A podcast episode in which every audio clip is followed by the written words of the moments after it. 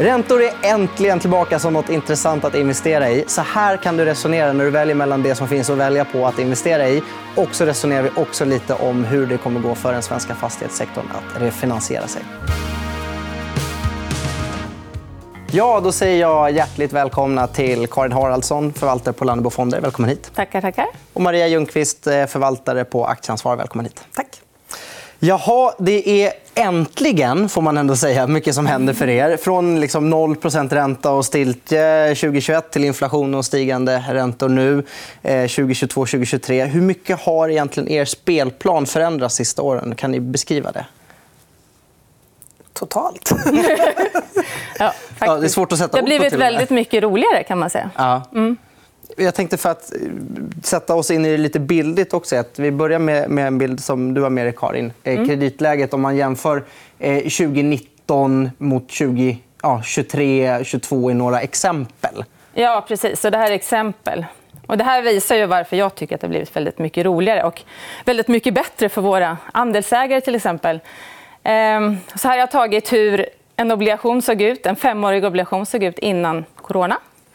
Eh, och då den här lite blå eh, stapeln är en svensk, eh, ja, vad ska vi säga? En, en svensk femårig ränta. Eh, och den lite mer gula är då den kreditspread, alltså den extra spread vi får för att vi lånar ut pengar till ett företag. Så att, ja, 2019, 2020, början där, då låg vi liksom på minus när vi började och kravlade oss upp då eftersom vi hade minusräntor. Eh, till plus om man hade tur och man fick en kreditspread som då var högre än liksom grundräntan. Så Castellum fem år kanske vi fick 1% på för att låna ut till dem. Och eh, I dagsläget då, så, eh, ja, så är det faktiskt på fem år kanske 7-8 För Nu har vi en grundränta som ligger på över 3% och en kreditspread då som ligger på ja, 4 kanske. Så att, det är ju helt fantastiskt. Ja, mycket roligare. Det ser ut som att spreadarna har ökat också. De har ökat också.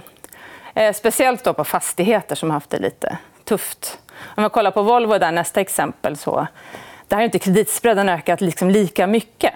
Eh, så att, eh, men man får ändå kanske en ränta på över 4% på fem år.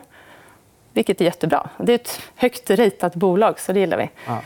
Eh, sen Intrum då, som ett annat exempel, som liksom en av de bättre high yield-bolagen som vi har. Där fick man väl ungefär 3% innan pandemin. Och nu är det uppe på ja, men 9, över 10 emitterade de på här för några månader sen, vilket är jättebra nivåer. Ja, verkligen. Mm. Eh, och kreditspread, vad ska man säga? Är det något som någon slags riskpåslag man får? Precis. Ja. Så ju högre risk ett bolag har, ju desto mer spread, desto mer spread får man. Ja. Mm. Maria, hur mycket roligare blir det att förvalta när det ser ut så här? Fantastiskt mycket roligare. våra fonder består ju av de här eh, papperna och tillsammans så ger ju det en slags portföljränta då på fonden. Eh, och det, det, är bra på två sätt. Dels får man en mycket högre totalränta när man slår ihop de här två delarna. Den blåa och den ja, beiga stapeln där. Eh, men det blir också lite bättre riskfördelning tycker jag, i fonden när man har eh, så att säga, portföljräntan härrör från olika typer av risktagande. Mm. Inte allting kommer från kreditspreaden som det var 2021. Mm. Och du har också tagit med dig en bild som, som visar lite på eh, ja, men, dels då hur mycket du kan få i portföljränta i, en mm. fond och jämför det med eh, bankräntor. Mm. Eh, och källa på den här är både Aktieansvar och SEB. kan vi säga. Eh, men här ser man ju att det har hänt väldigt mycket sista tiden. Mm. Även bankräntorna har ju stigit. Och nu ska jag säga, det finns ju naturligtvis bankkonton som ger både högre och lägre ränta än det där. Det där är ett aggregat. Eh, och det gäller ju även exempelfonden som jag har här. Det finns eh, eh, räntefonder som har en högre portföljränta och det finns räntefonder som har en lägre. Det här är ett exempel. Men eh, för att ändå tydliggöra hur mycket det har förändrats. Från att 2021 haft problem att konkurrera med banksparande för det här är ju också en portföljränta innan man drar av avgiften då, som, som räntefonder så att säga, kostar spararen att ha. Eh, eh, och nu då plötsligt kunna generera väldigt många fler procentenheter än vad man i genomsnitt får på ett bankkonto. Både för fria uttag och där man binder pengarna i två år. I en räntefond så får du ut pengarna ändå ganska snabbt eh, när du har så att säga, bett om att sälja andelar. Eh, så att eh, det här är en enorm skillnad. Jag tror man får gå tillbaka nästan till ja, 2014 eller nåt för att kunna hitta en period då både kreditspreadar och underliggande räntor bidrar eh, som de gör nu. Mm. Eh, för som ni ser, då, 2021 och så på den, eller 2019 på Karins bild där, så var det ju nästan bara kreditspreaden. Mm. Så kan man säga när man ser det här att det är dags för eh, liksom, obligationsfonder igen nu? Ja, men alltså, det ser ju fantastiskt mycket bättre ut än vad det gjorde bara för eh, ett och ett halvt år sedan. Men sen så är det såklart att en portföljränta är inget löfte. Det är en slags prognos på vad du kan förvänta dig att avkastningen kan bli på ett ungefär om du inte har några jättestora rörelser i räntemarknaden. Stiger räntorna då finns det en risk, eller kreditspreadarna, att avkastningen blir lägre. Faller de så kan avkastningen bli högre. Ungefär. Så att säga. Det är en tumregel. Eh, så att, eh, det ska man komma ihåg. att Portföljräntan är inte ett löfte och det är eh, hög, lite högre risk då än, än på ett banksparande. Du har inte insättargaranti och du har de här risken för marknadsrörelser som då kan eh, göra att fondens avkastning blir en annan än portföljräntan. Mm. Eh, så, men menar, man kan i alla fall se över sitt sparande. Vi ska inte sitta här och ge råd så, men man, har man ett räntesparande så kan man ju se över hur, hur är det egentligen fördelat. Har jag några fonder? Vilken typ av fonder har jag? Mm. Om man ser till ja, men som vi sa, lite högre risk i räntefonder som en high yield-fond eller en, ja, en blandfond mellan investing grade och high yield, då kan du få liksom, en ja, avkastning på mellan 6 och 10% vilket utmanar börsen. Helt så, så det kan man ju liksom också mm. fundera lite på. Men tror man att börsen ska bli lite skakig, ja, men det är ett, liksom ett bra alternativ. Ja. Tina är död. Tina. Tara kommer här. Det var, br var brutalt det lät när jag sa att hon var död. Nej, Tara. Tara. Ja. ja. Eh, okay. Men hur ska man tänka då? Är, i, i, det läget vi är nu och, och, generellt om man är novis, som till exempel jag. Eh, hur ska man tänka korta, långa räntor? Hur ska man resonera när räntan som nu är väldigt snabbt stigande? Vad, vad, vad ska man välja då? Hur ska man, eller hur ska man åtminstone resonera när man väljer? Ja, men man får tänka lite som på sitt bolån. Ja. Fast tvärtom. Okay. Så nu om man tror att räntorna ska stiga då får man ju ligga med liksom rörliga räntor som vi kallar för kort ränteduration eh, på fonderna eller om du köper en obligation direkt. Men sen tror jag att räntan ska falla. Då är det bra att ha fast ränta. Mm. Mm. Okay. Eh, och, hur ska man resonera där mellan high yield och, och penningmarknad? Och så där? Det, det beror antagligen på vad man vill ta för risk. Gissar, eller? Ja, precis. Ja vad man ut, hur mycket pengar man vill tjäna. Ja. ja, men de riskerna som finns är också lite kan man tillägga inom high yield-segmentet. Ehm, där får man vara lite försiktig. för att Där kan det komma många bolag som kommer få problem och konkurserna ökar. Ehm, helst kanske inom retail, som har mycket liksom retail-exponering. Så det gäller väl att kolla lite på de portföljerna man köper eller fonderna. Har de mycket typ, typ av sån exponering? Eller någon nischbanker eller den typen. Liksom. Så det, man får vara lite försiktig. Jo, det är klart att en del av den här kreditspreaden som vi tittade på kan ju bli uppäten då av så att, säga, att ett bolag helt enkelt inte kan fullgöra sina åtaganden. Och det är ju den risken man tar.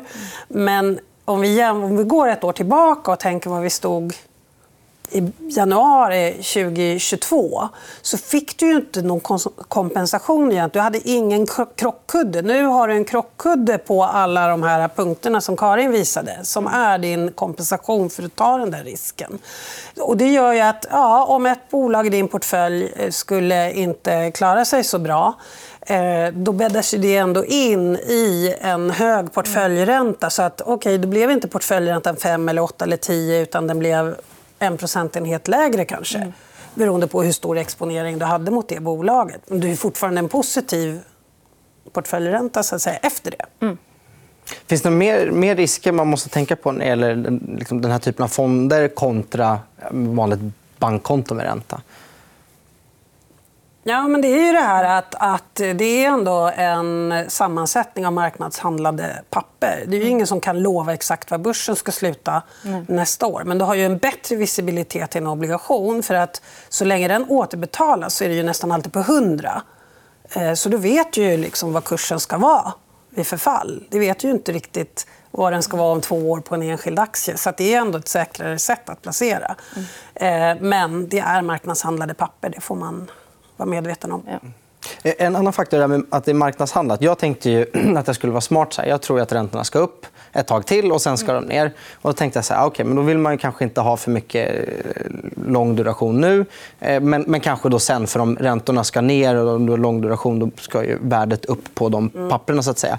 Men å andra sidan så är ju räntorna också marknadshandlade. Så en del är redan inprisat, eller hur? Ja, men alltså, det finns ju redan i marknadspriserna att Riksbanken ska höja runt 100 punkter. Det är, det är, det är ju det som är prissatt. Så om de inte gör det, då kommer marknadsräntorna att gå ner.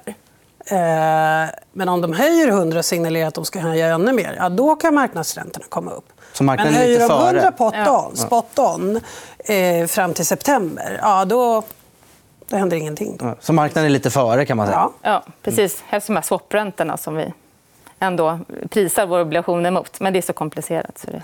Ja, det hade en, annan, en annat program. ja, då kanske du får en annan programledare ja. också, för jag hade inte hängt med. Och andra gäster. Ja. Eh, okay, men om vi ska titta på vad som driver marknaden just nu. Då. Eh, kan börja med att kika lite på flödena. Så ser vi ju att det ramlat in ganska mycket pengar sista tiden. Det är väl kul? Det är jätteroligt. Eh... För förra året var fondflödena ganska tuffa ändå. Eh, vi fonder vi får ju flöden åt samma håll hela tiden. Mm. Så det är inte så ofta som jag har inflöden kanske och du utflöden. Så vi, vi springer åt samma håll. Vi ska sälja på en eh, gång. Alla ska sälja. Och det blev väldigt trångt i dörren. Det var lite det som hände 2020 också, där i mars. Um, så det var ungefär 10 miljarder ut förra året. Men i år har det börjat in. Nu har inte siffrorna för februari kommit än. Men jag antar att de är plus också. Så det underlättar marknaden och liksom det finns inte ett jättestort utbud heller av obligationer att, att hitta. Så det driver på marknaden ganska mycket. Precis, företagen har ju varit återhållsamma med att emittera. Mm. Men också det här inflödet tyder väl på att eh, sparare har uppmärksammat det som vi visade på förra bilden. Mm. Då, att jaha, det finns olika räntor att hämta just nu. Eh, jag kanske ska se över mitt sparande. Så har de gjort det och hittat fram till räntefonder. Det här är just företagsobligationsfonder, då, ska vi tillägga. så det är inte statsobligationsfonder. Okay. Eh, men, men, finns risken att om det kommer in för mycket pengar att det kan bli svårt att svälja när det inte emitteras så mycket nytt? Och så där, eller? Ja, det gör det. Och då pressas de här kreditspreadarna ihop igen, kanske lite för mycket. Och då kommer ju för sig fonderna att gå väldigt bra. Då går fonderna väldigt bra. Och då kommer det kanske in ännu mer. För tänker man, åh vad bra de här fonderna går kan bli en självuppfyllande profetia ja, i värsta fall. Precis. Och egentligen så, visst, det är jättekul när fonderna går väldigt bra på kort tid som de har gjort nu de senaste månaderna. Men man äter ju lite av den framtida potentialen. Så att egentligen är det ganska trevligt om de inte går i, de här kreditspreadarna går ihop allt för fort. Eh, så att det kan emitteras nya papper med breda kuponger som vi kan investera i. Och så kan vi få en hyfsad avkastning nästa år också. Mm. Vi tar och kikar på hur, hur eh, emissionsläget har varit också. bara för att Här har vi nästan en regnbåge med massa alla möjliga år. Eh, och då ser vi ju att 2023 har varit lite avvaktande. Ja, det har varit en ganska avvaktande start. Eh, 2022 blev ett väldigt dåligt år. Eh, det var ju mycket på ja, men Kreditspreadarna gick isär, räntorna steg. Och 2021 var ett liksom rekordår, lite efter corona. Så att, ehm, ja, men det har börjat ganska avvaktande ändå. Mm. Och det är just fastighetsbolagen som inte är ute och emitterar speciellt mycket. Mm. Och de står ju för en väldigt stor del av vår marknad, ungefär hälften. Och de har väl eh, istället... Jag menar, det syns i vissa av bankernas eh, kvartalsrapporter att de har ökat utlåningen till mm. företag väldigt mycket. Och det ligger säkert en hel del fastighetsbolag i den korgen. Ja. ja. För till syvende och sist så till slut kommer de väl bli tvingade att emittera eller gå till banken. Men banken kan inte svälja hur mycket som helst. Mm. För det ska ju refinansieras som det heter när mm. liksom, lån löper ut. och Då måste de ställa ut nya obligationer. Mm. Eh, och som jag har förstått det så är det väldigt mycket som ska refinansieras 2024. Mm. Eh, och då blir de väl tvingade att börja ställa ut, eller? Ja, ja. de gör ju allt vad de kan redan nu och försöker återköpa obligationer. Eh ja, för att lösa finansieringen framöver. Men det är klart det kommer att bli jättetufft. Banker kommer inte alltid stå där. Helst för de som inte redan har upparbetade bankkontakter blir det ju otroligt svårt. Ja. Sen ska de ju klara av att betala sina räntor också. Och då är frågan okay, vad ska de få pengarna ifrån för att möta sina förfall 2024. Ja, då kan de ju de kan sänka utdelningen, det är många som har gjort.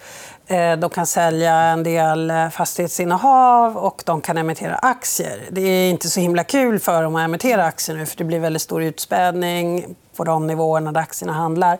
Men eh, samtidigt, om de säljer fastigheter då säljer de ju bort en del av det kassaflödet som ska möta de återstående räntebetalningarna de faktiskt har att täcka. Så att, det är väl ett eh, sistahandsalternativ egentligen. Men det är en del som väljer den vägen. Men den är inte, det är ett tveeggat svärd att ja. sälja fastigheterna. Mm.